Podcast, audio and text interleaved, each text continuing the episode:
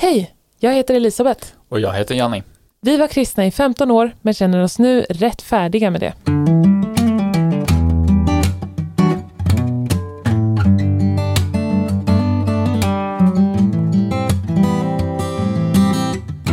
Välkommen till det fjärde avsnittet av vår podcast Rättfärdig.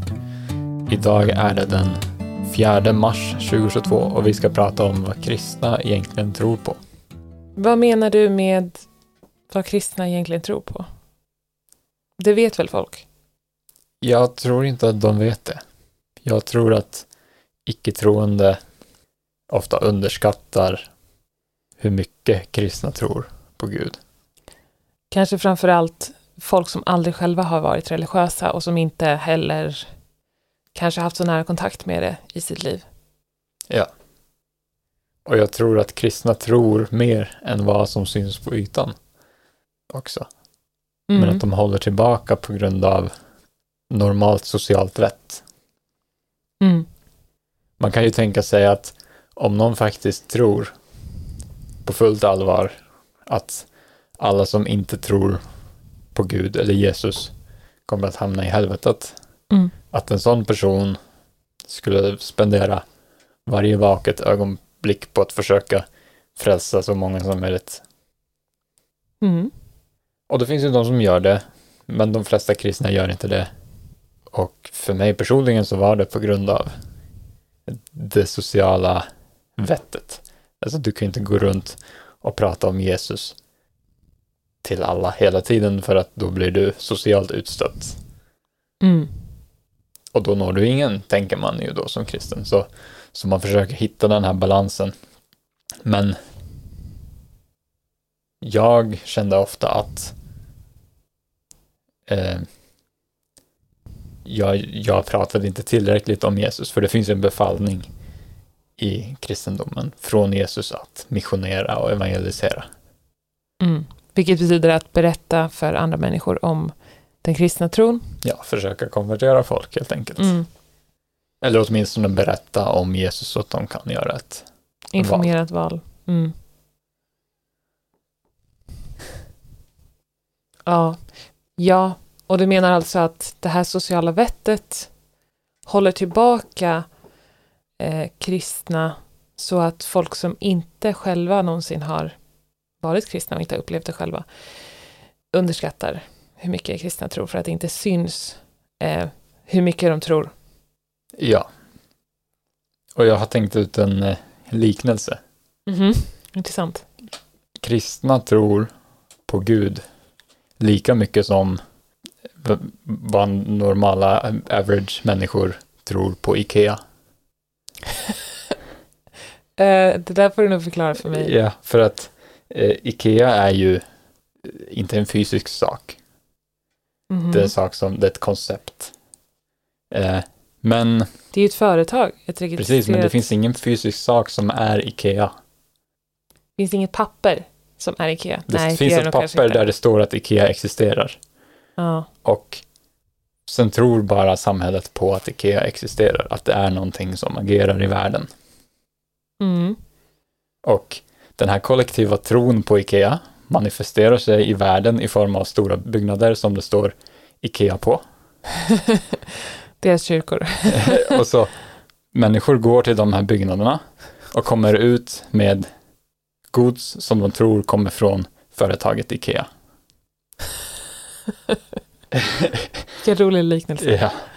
Och på samma sätt så tror kristna på Gud och deras kollektiva tro på Gud manifesterar sig i världen i form av stora byggnader som det står Gud eller Jesus på eller har Någon form av Gud- symbol. Guds logga, korset. Ja. Eh, och folk går dit och kommer ut med gods som de tror faktiskt är från Gud. Andligt gods. Hmm. Intressant liknelse. Och, och, så Gud är lika verklig för kristna, många kristna, som Ikea är för alla andra. En viktig skillnad dock är ju att det är ingen som tror att Ikea är universums allsmäktiga skapare. det hade varit något. Tänk om det finns någon där ute som sitter och tror det.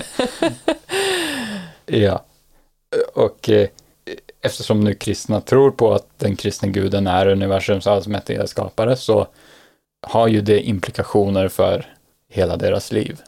Hur de, Mm, hur de lever. det har det. Folk baserar eh, stora livsval på grund av sin tro. Verkligen. Men, alltså, är det verkligen en helt bra liknelse för att vi vet exakt vad IKEA är. Jag vet inte hur annat jag ska säga det än att det är mer konkret och väldefinierat än Gud, den kristna guden. Så kan det vara. Fast när jag var kristen så var Gud ganska väldefinierad för mig. Jag hade Mm. en ganska bra uppfattning om vad jag trodde om Gud. Sen fanns det ju en massa andra folk som hade en annan bild av Gud som jag bara då tyckte inte var korrekt. Mm. Men jag försöker fundera på för mig själv. Jag vet inte om jag trodde på Gud på samma sätt som jag tror på Ikeas existens. Det, det är en annan grej. För mig har aldrig Gud varit liksom en del i min vardag hela tiden. Att jag har upplevt Guds närvaro hela tiden. Eller liksom att han är som min polare som jag typ hänger med hela dagen liksom. Utan ibland kunde jag uppleva vad jag tänkte var Gud i vissa speciella situationer, ofta i lovsång. Men däremellan så kunde jag liksom tycka att Gud kändes väldigt avlägsen och inte särskilt aktiv i världen. Men Ikea skulle jag aldrig, jag skulle aldrig tvivla på att Ikea existerar. Förstår du vad jag menar? Ja. Men jag vet inte exakt vad det är i liknelsen som är, är den skillnaden. Under en stor del av min eh, tid som kristen så hade jag ju som mål att Gud skulle vara verklig och att jag skulle vara medveten om Gud hela tiden. Mm. För det var det Jesus var. Vi skulle ju vara som Jesus. Men var det någonsin för dig lika självklart att Gud existerar som det är självklart att Ikea existerar? Ja. Inte för att jag hela tiden kunde känna Guds närvaro eller så. Men för Mm. att jag hade känt Guds närvaro. Eller vad Mm. jag trodde var Guds närvaro. Mm. Så visste jag att Gud finns. Jag hade det klart för mig. Okej. F- Så även fast du inte alltid kände Gud närvarande så visste du upp, liksom, upp i huvudet att Gud finns ju för att jag har ju upplevt honom. Ja, jo men du känner inte Ikeas närvaro just nu. Eller det kanske du gör, vi har en, del, en hel del Vi har nog en hel Ikea-möbler. del. Men, Ja, jag tror det. men Nej, visst, jag går inte runt och tänker på Ikea hela dagen lång liksom. nej. Mm. Okej, det kanske är att jag, liksom även som kristen ibland kunde, jag kunde fortfarande tänka tanken att, tänk om det inte finns någon där uppe som hör. Men det skulle jag aldrig tänka om Ikea. Mm. Tänk om den här Billy Book-hyllan är från ingenstans. ja. Men så det är därför som jag bara tänker att, så att folk får en korrekt bild av vad du försöker få fram i liknelsen. Det är såklart, eh, en liknelse är en liknelse och den är inte 100% perfekt. Nej. Men poängen är att kristna tar det här mer seriöst än folk ofta tror. Precis. Tron på Gud är inte bara en teori för många troende. Eller en samling med vackra historier om hur man ska vara snäll mot varandra, typ. Ja. Eller ja, filosofier om existentiella saker, utan det är, eh, Konkret. det, det är konkret. Mm. Och Ja. kristendomen gör anspråk på att ha sanningen, den enda sanningen om Gud. Mm. Och där kommer vi in på något som jag tyckte var lite stötande som kristen. Den här sloganen coexist. Jag har aldrig hört den sloganen förut. Det är som en bumper sticker eh, där man har bytt ut C mot en måne som islam Mhm. och X mot Davidsstjärnan Mhm. och T mot Mm, korset. korset. Mm. Och som då ska handla om att de tre religionerna ska samexistera. Mm. Och som icke-troende så, Det är en väldigt fin tanke. ja, och som icke-troende så har jag lätt att se nu på religionerna som olika teorier om existentiella frågor. Mm. Och då känns det ju rimligt att då borde de kunna samexistera. Mm. Och eh, ja, det, det borde de ju kunna liksom, de behöver inte, folk borde kunna leva fredligt med varandra. Men det som jag tyckte var stötande som kristen var ju att det kändes som att jag skulle vara tvungen att acceptera att de kanske också har rätt. Mm. Men det går ju inte, för att de är eh, mutually exclusive, vad nu det heter på svenska. Ja. Ömsesidigt exkluderande. Ja, ömsesidigt exkluderande. Låt oss köra med det. Ja. Jag tror att de alla tre gör anspråk på att ha sanningen om Gud. Mm. Eh, De Jaha. säger inte att vi tror att det är så här, utan de säger så här är det, så här är Gud. Mm. Och det är så här man når honom. Mm. Men de säger ju olika saker om varandra, så de kan inte alla vara rätt. Nej, för de sakerna som de säger är inte kompatibla med varandra. Precis. Antingen så är Gud tre personer, en av dem är Jesus. Eller så är Gud inte det. Och Jesus är inte Gud, som i islam. Där var Ja. Jesus bara en profet, som jag förstår det. Mm. De två sakerna är inkompatibla med varandra. Ja. Så, Det är väl den viktigaste skillnaden. ja. I kristendomen så är Jesus Gud och att säga något annat är hädelse. Mm. Så, men i praktiken så i hur jag levde ut mitt liv och interagerade med eh, folk från andra religioner så var det ju inget speciellt. Återigen mitt sociala vett. Tog över. ja, precis. Mm. Det var inte som att jag ville dem någonting ont, men religion- Personligen liksom. Nej, nej Mm. precis. Men religionerna, jag tyckte ju, jag trodde att de andra religionerna hade fel. Mm. Det var inte bara det att jag trodde att, eller att jag lutar mot, mot den kristna guden, att jag, jag tror att den beskrivningen är mer korrekt. Jag trodde att den kristna beskrivningen är rätt. Mm. De andra är fel. Och inte bara är de fel, de är uttryck för demoniska andekrafter. Mm.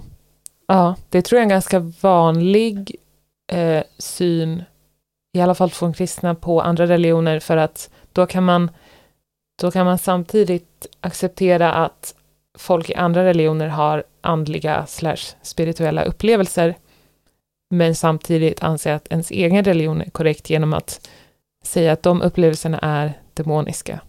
Exakt. Smart lösning. Men okej, om du tänker tillbaka nu till när du var kristen, kunde det inte ha gått att acceptera de andra religionerna fast fortfarande tro att de hade fel?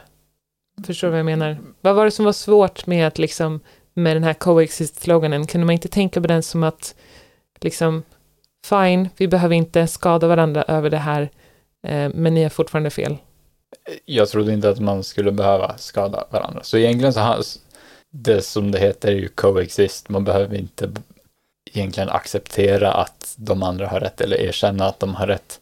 Man behöver bara inte skada varandra. Mm. Så eh, det går ju. Mm.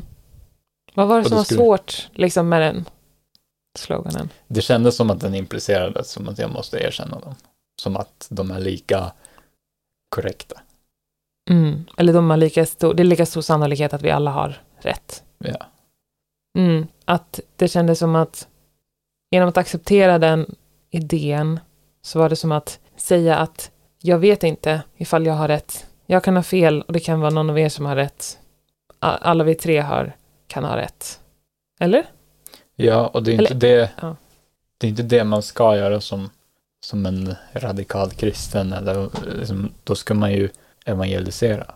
Mm. och berätta den kristna sanningen för andra. Mm. Men det går ju inte ihop med att, ja, Bara- jag vet inte. acceptera att andra inte är kristna och låta dem vara. Man, man, målet är att alla ska bli kristna Ja, i slutändan. Men jag trodde ju inte på att våld skulle vara lösningen eller något sånt. Eh, Nej. Jag tror det är väldigt... Eh, idag i världen så tror jag nog att det är väldigt få kristna som skulle påstå att vi bör använda våld för att sprida religionen. Mm. Finns självklart sådana idioter någonstans där ute. Men eh, väldigt liten minoritet. Men de här tankarna kommer ju aldrig fram på grund av mitt sociala vett. Ja, Så det kan vara att det är väldigt vanligt att många andra kristna har sådana tankar som jag hade. Men Jag att tror det inte kommer fram. ja, jag tror det. Jag tror att många kristna, i alla fall från våra kretsar, skulle inte gilla den här coexist-sloganen. Inte, inte så att de skulle bete sig dåligt direkt, eller utåtagerande eller, eller så, men det skulle vara väldigt stötande. Mm. Det är väl det, mot kristna. Att säga att man måste acceptera de andra religionerna, för att man vet ju att man själv har rätt. Eller så var det bara jag som var... Nej, jag tror inte det. Nej, jag tror inte det. Eh, Men det kan vara skillnad på olika samfund eventuellt, men jag- nu tänker jag framförallt på Svenska kyrkan. Mm. De är nog mer accepterande, tror jag. ja, de har ju imamer som pratar i kyrkor. Så Du, nu säger du plural, men jag har bara hört att det har hänt en, en enda gång. Har du hört dem flera gånger? Det hände någon gång i Stockholm för några år sedan, har jag för mig. jag tycker det har hänt någonting. Jag minns inte. Det var... Men visst, eh, häromdagen bara så gick vi förbi en eh, kyrka här jättenära vårt hus och eh, där var det annonserat utanpå väggen yoga i kyrkan. Det var mindblowing för mig för att vi kommer från en kyrka där det är så här, där östlig andlighet är big no-no. Ja. Yoga, meditation, är demoniskt och väldigt, väldigt farligt. Ja. Jag tror nog att Svenska kyrkan och Norska kyrkan, de tror jag sk- skriver under på coexist Mm. liksom, totalt. Men jag tror, jag tror att progressiva kristna ja, liksom har lättare för, för det än Mm. Ja, jag tror att medlemmar i Svenska kyrkan, aktiva medlemmar i Svenska kyrkan eller Norska kyrkan, då, statliga kyrkan, är nog de som är mest lika så som folk som aldrig har varit kristna tänker om kristna, eller folk som aldrig har varit troende överhuvudtaget tänker om kristna. Att det är mer tradition och kultur. kultur, precis, snarare än bokstavlig sanning. Tror jag.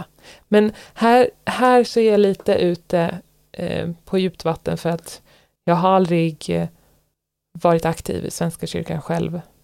Ja, detsamma. Jag vet inte. Det verkar så när man ser på besluten som görs på hög nivå i de kyrkorna. Mm, Men frågan är vad folk... precis, Tror gemene man som är med liksom där. Ja. ja. Ja, det är svårt att säga. Men vi kan ju prata om där vi kommer ifrån. Och där vi kommer ifrån, frikyrkan, li, ganska likt pingst, men inte officiellt pingstkyrka. Där är det, där tar man det bokstavligt sant.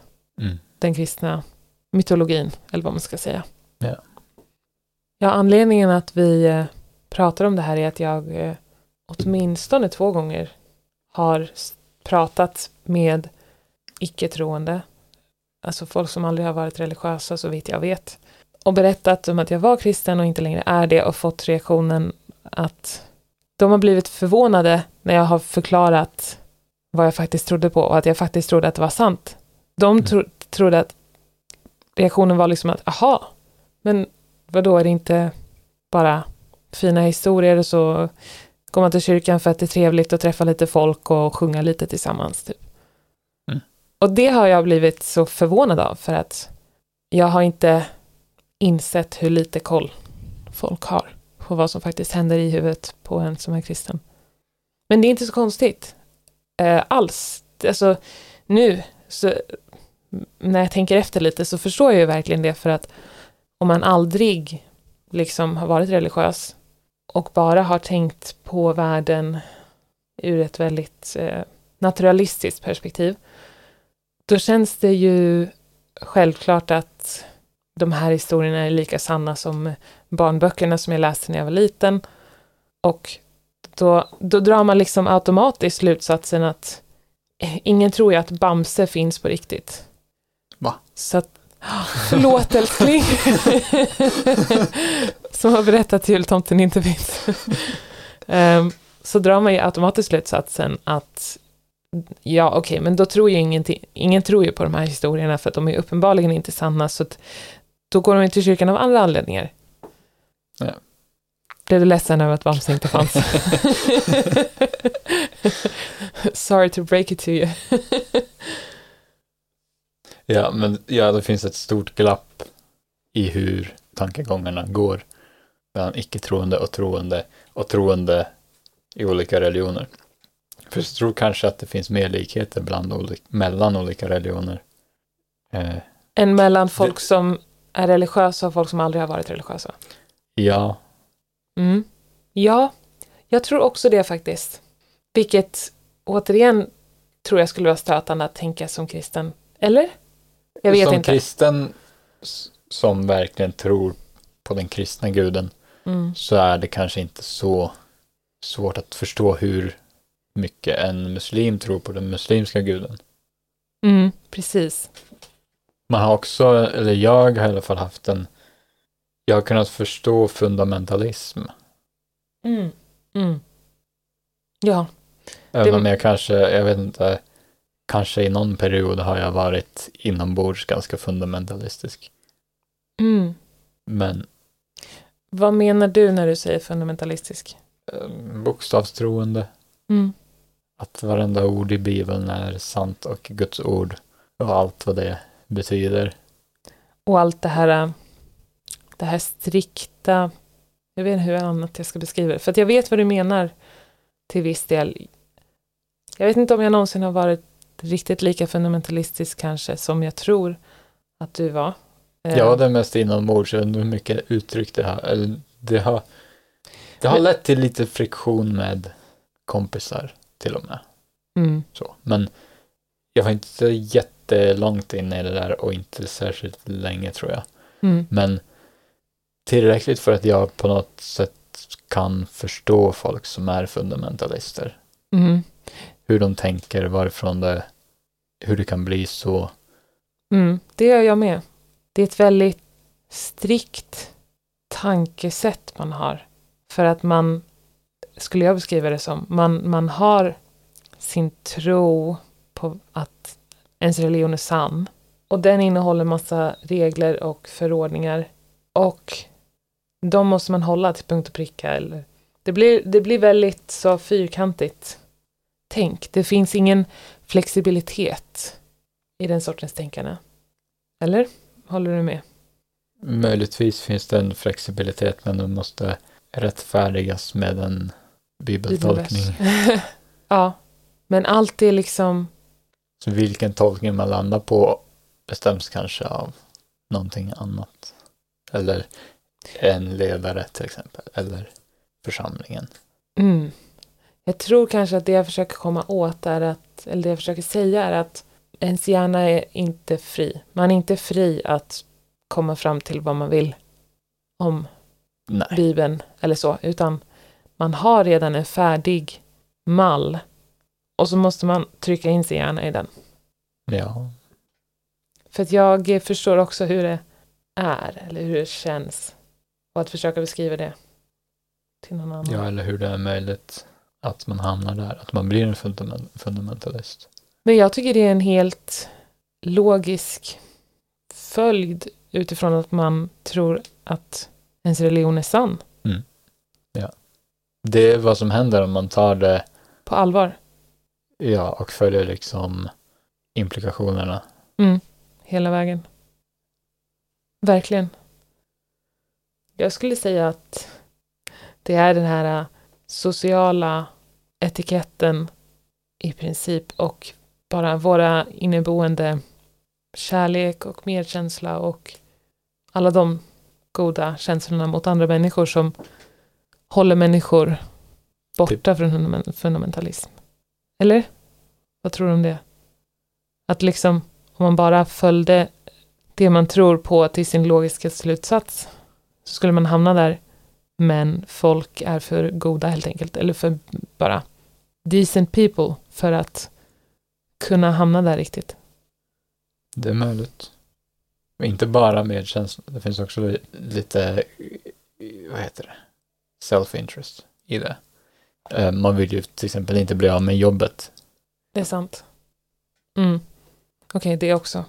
Man får det lite tufft i dagens västerländska samhälle om man är fundamentalist, öppet fundamentalist.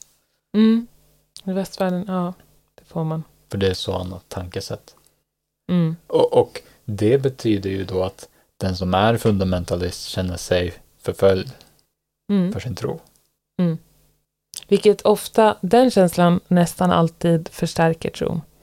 Ja. Att känna sig förföljd. Precis, för då vet man att djävulen är efter en och det betyder att djävulen är rädd för en. Precis, det, var, det fick vi ofta höra i kyrkan. Ja. Att eh, djävulen attackerar mest de som han är mest rädd för, för att de kämpar mest för Guds rike.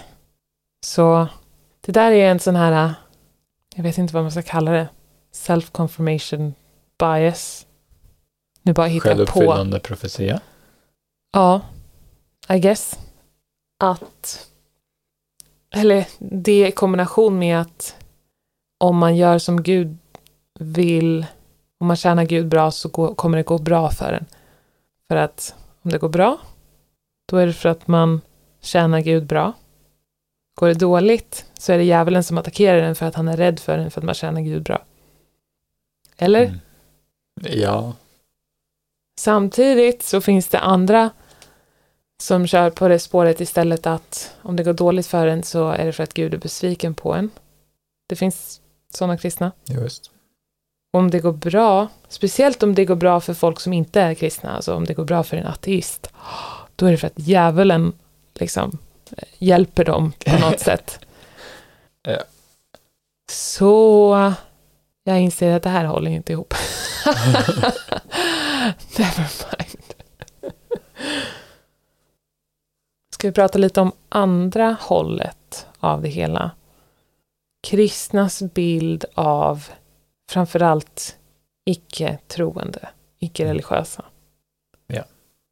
Tror vi att kristna har en korrekt bild av en godtycklig icke-kristen, eh, specifikt icke-troende person? Jag tror det finns en stor variation där. I vad kristna tänker? Ja, Mhm. vissa kristna är mer isolerade i sina kristna bubblor Mm. och de har sannolikt en helt felaktig bild. Mm. Och sen finns det andra som själva har varit icke-troende. Mm. Som har varit det och sen som har blivit kristna. Ja, Ja, de, De- har nog en mer korrekt bild. så kan det vara. Och så finns det säkert kristna som ändå har haft så pass mycket att göra med icke-troende att De har insett att det är nyanserat och inte är svartvitt. Ja. Tror att bilden av icke-kristna, jag tänker att den påverkas av vart någonstans man är på fundamentalist slash progressiv spektrat. ja, För att det hör till när man tänker väldigt fundamentalt att ens världsbild är väldigt svartvit. Vilket innebär att ens bild av hur icke-troende tänker blir väldigt svartvit. Och inte alls nyanserad. Men jag kan tänka mig att folk på det mer progressiva änden av spektrat som även fast de inte själva har varit icke-troende. Bara för att deras världsbild är mer nyanserad så tror jag nog att bilden av icke-troende i alla fall har större chans att vara mer nyanserad. Alltså det finns ju väldigt många, eller i alla fall en del, fördomar skulle jag säga mot icke-troende från kristna kretsar. Jag tror inte att alla kristna håller de här fördomarna, men en är ju att alla icke-troende hatar Gud. Vilket när man tänker efter en sekund inte riktigt är rimligt för att ja, Står inte det i Bibeln att de gör det?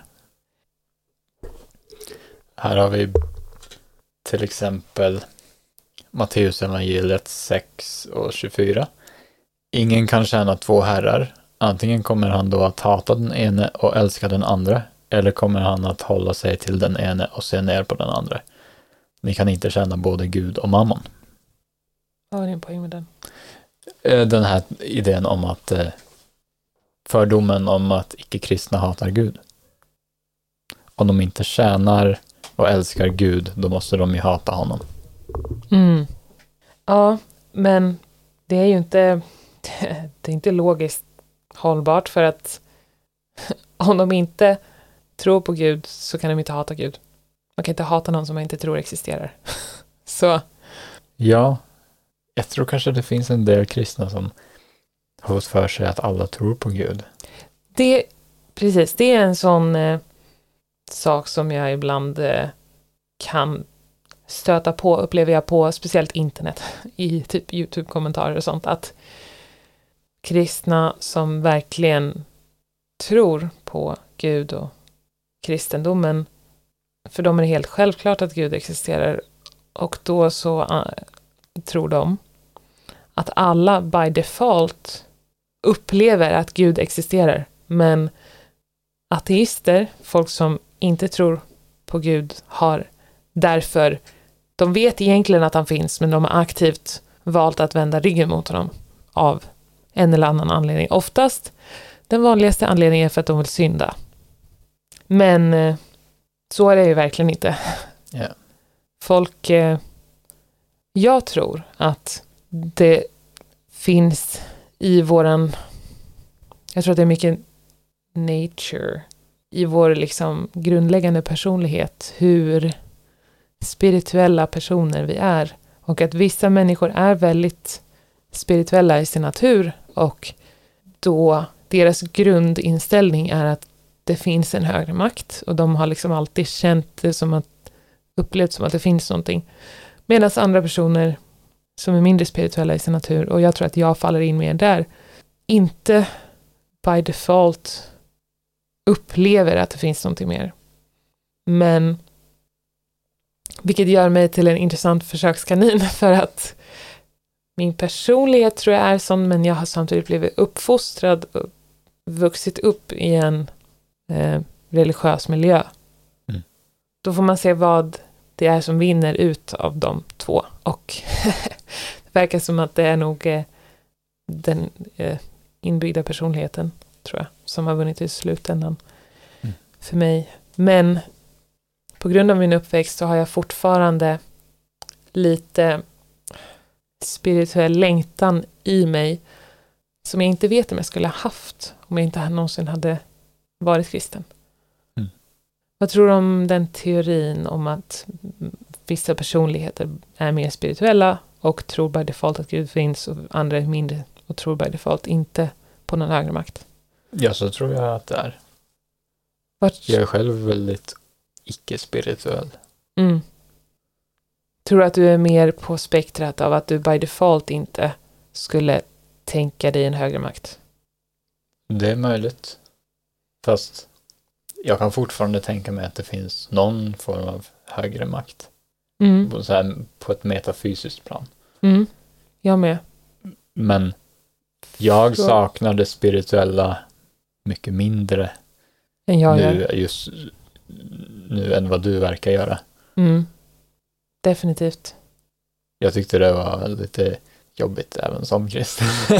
Mm. Men det, det make ju sense. Att om du Fast- redan tyckte det var jobbigt så saknar du det så mindre. ville jag ju som kristen att jag skulle uppleva mer saker, spirituella saker. Ja. Men det funkade inte för mig. Så Mm. jag ville att det skulle funka. Hur mycket, för jag, jag tror eh, också att det kan finnas definitivt någon högre makt. Ehm, jag, jag säger inte bu eller bä om det. Jag vet inte, helt enkelt. Ehm, men jag är öppen för att det kan finnas någonting. Men hur mycket tror du att den tanken att vi, det kan finnas någonting större, hur mycket tror du att den kommer från vår uppfostran och att vi har varit kristna? Ganska mycket. Eftersom när jag var kristen så gjorde jag ju allt för att rationalisera min tro. Mhm. nu när jag inte är kristen så en del av de sakerna som jag kom fram till då som kristen var rationella anser jag fortfarande är rationella. Mm. Så det finns eh, element av kristen tro som jag fortfarande tror är rationella. Mm, just det, och du hade aldrig eh, du hade aldrig satt dig ner och tagit tag i det här om du inte hade varit kristen. Exakt. Mm. Då kanske jag bara hade förkastat allt som är irrationellt på en gång. Ja. Ja. ja, det kan hända att jag hade gjort det, men det är så svårt att säga hur man hade blivit om man hade haft den här uppfostran. Liksom. Det är i princip omöjligt att veta. Så.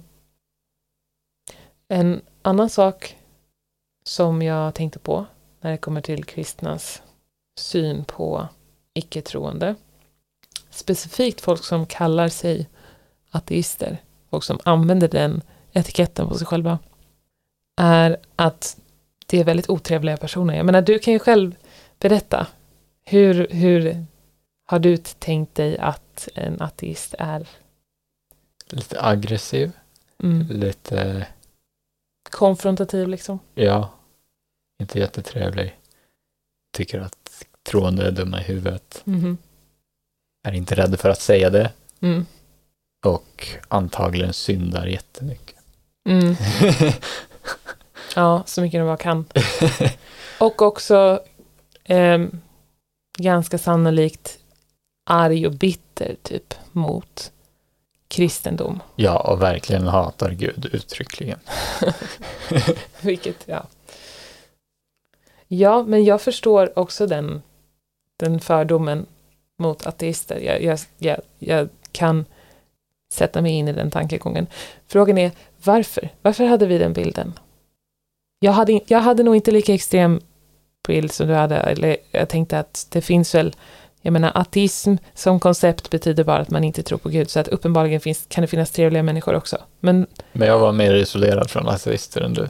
Ja, just Så. det. Okej, så det kanske spelade in. Att jag hade lite mer nyanserad bild. Ja, det tror jag.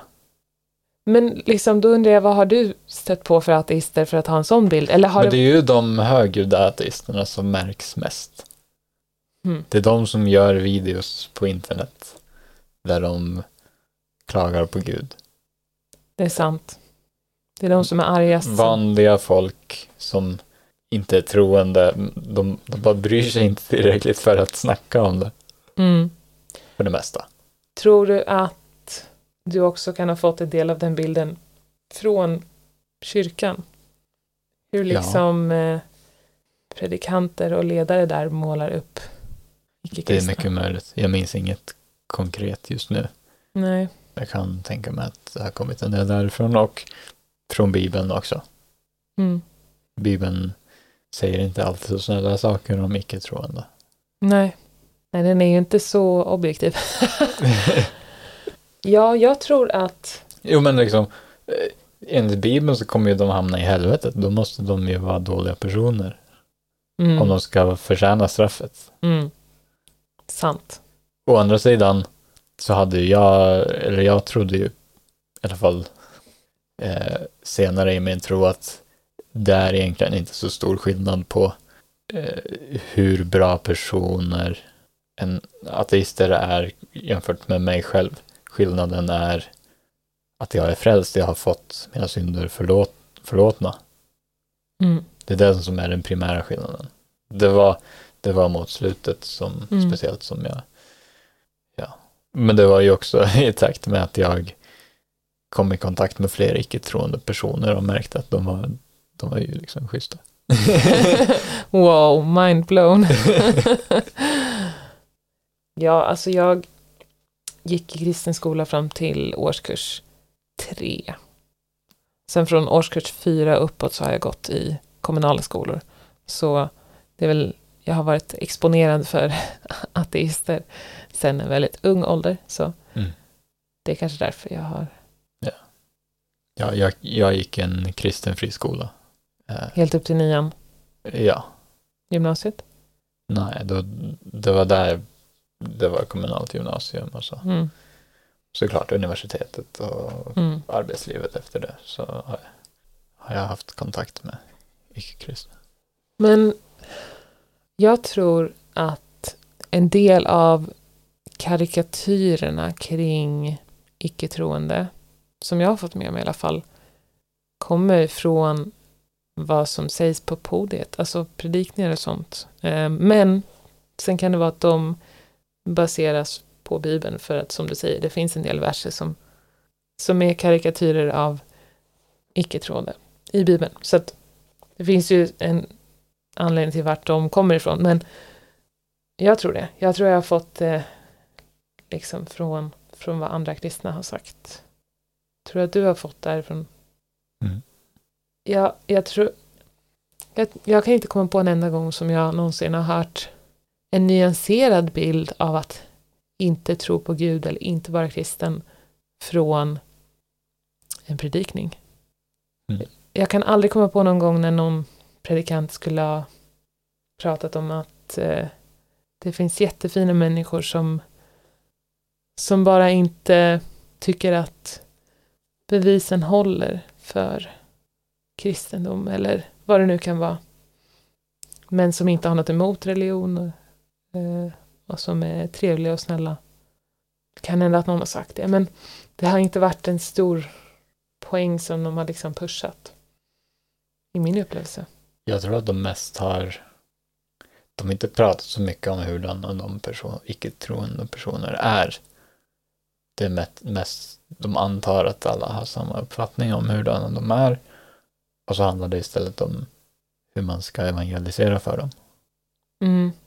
Hur de ska bli troende. Mm. Hurdana de är som icke-troende ja, det är inte tror inte man pratar så mycket om. Nej, det är sant. Det är inte lika viktigt. Där kommer vi in på en annan bild av folk som är icke-troende, nämligen att de är ledsna och deprimerade och de mår jättedåligt och de har ett Jesusformat hål i sitt hjärta. Mm.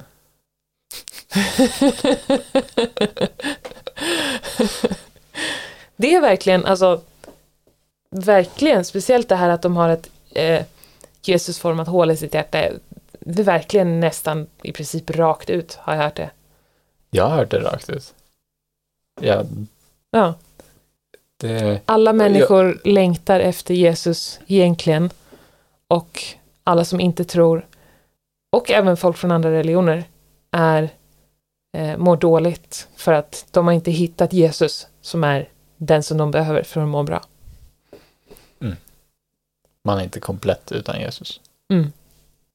Och det är bara Jesus som kan göra en komplett. Ja, ingen annan religion går ju eller ingenting annat överhuvudtaget, inte pengar, ingen människa, mm. ingen hobby, mm. bara Jesus. Mm. Inga goda gärningar ens. Nej.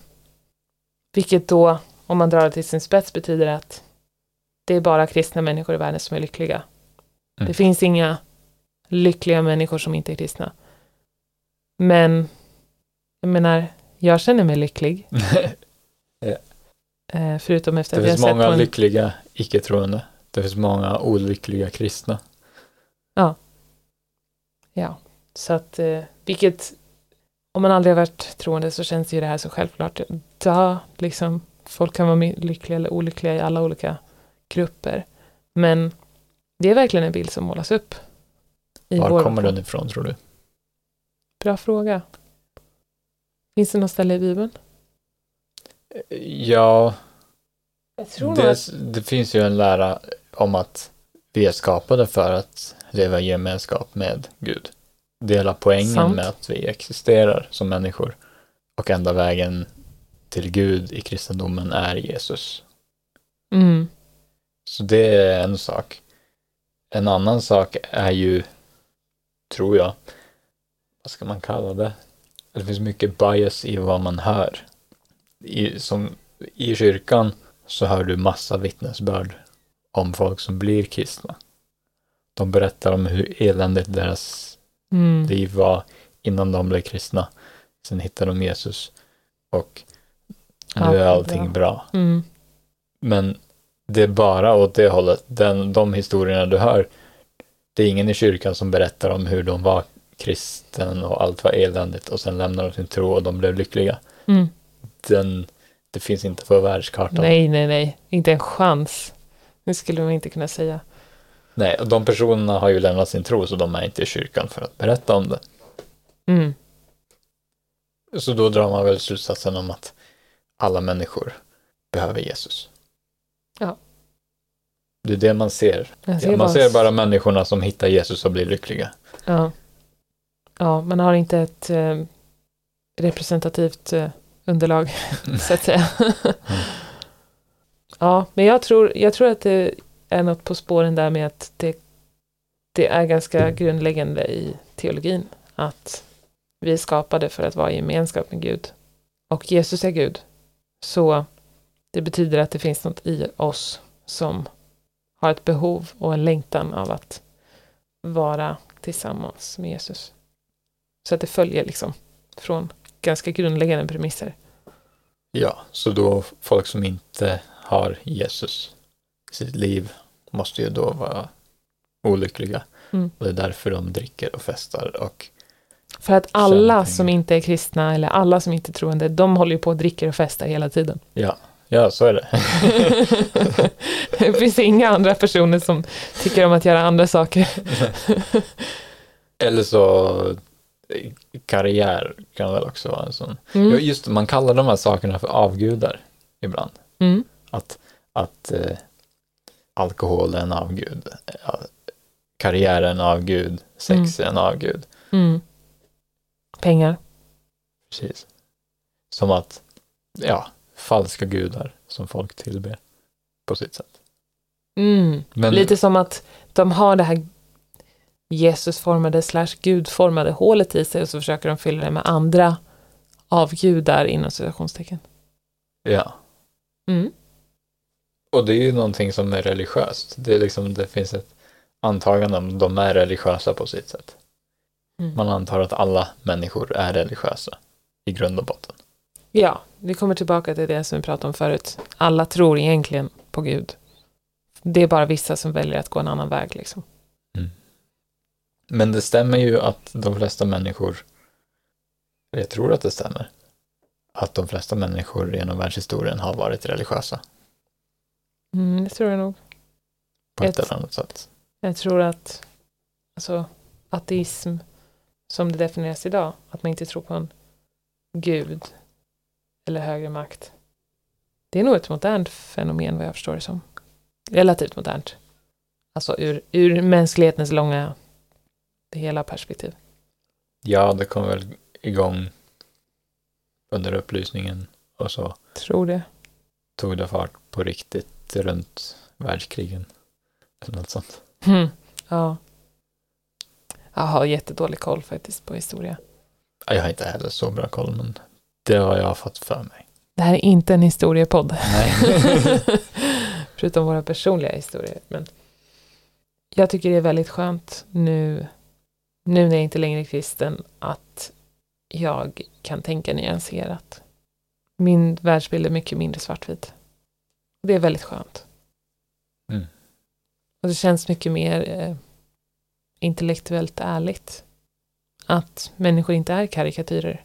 Men har vi nu målat upp en karikatyr av vad en kristen tror på? Mm. Det är viktigt att poängtera att de här karikatyrerna av icke-troende som vi har pratat om nu. Det är viktigt att poängtera att alla kristna inte köper dem. Det Mm. tror jag inte. Ehm, det är ett spektrum. Liksom på det här svartvita spektret slash nyanserat spektret. Om man är mer svartvit så tror man nog mer på de där karikatyrerna. Om man är mer nyanserad så gör man nog inte det. Så det kan ha varit en karikatyr kanske som vi har råkat förmedla nu. Men alla kristna köper inte de här karikatyrerna. Mm. Men de finns där och bubblar liksom. I den världen.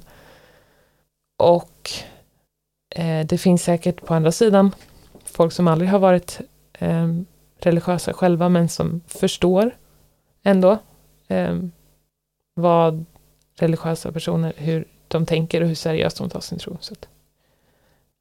Men annars utöver det så, jag menar, vi har ju själva varit där. Så det ger ju oss ändå lite kött på benen att vi vet vad vi pratar om. Kanske.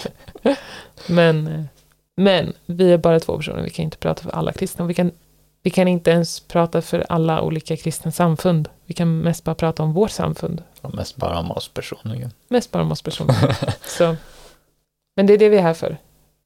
Mm. Bara prata om vår erfarenhet.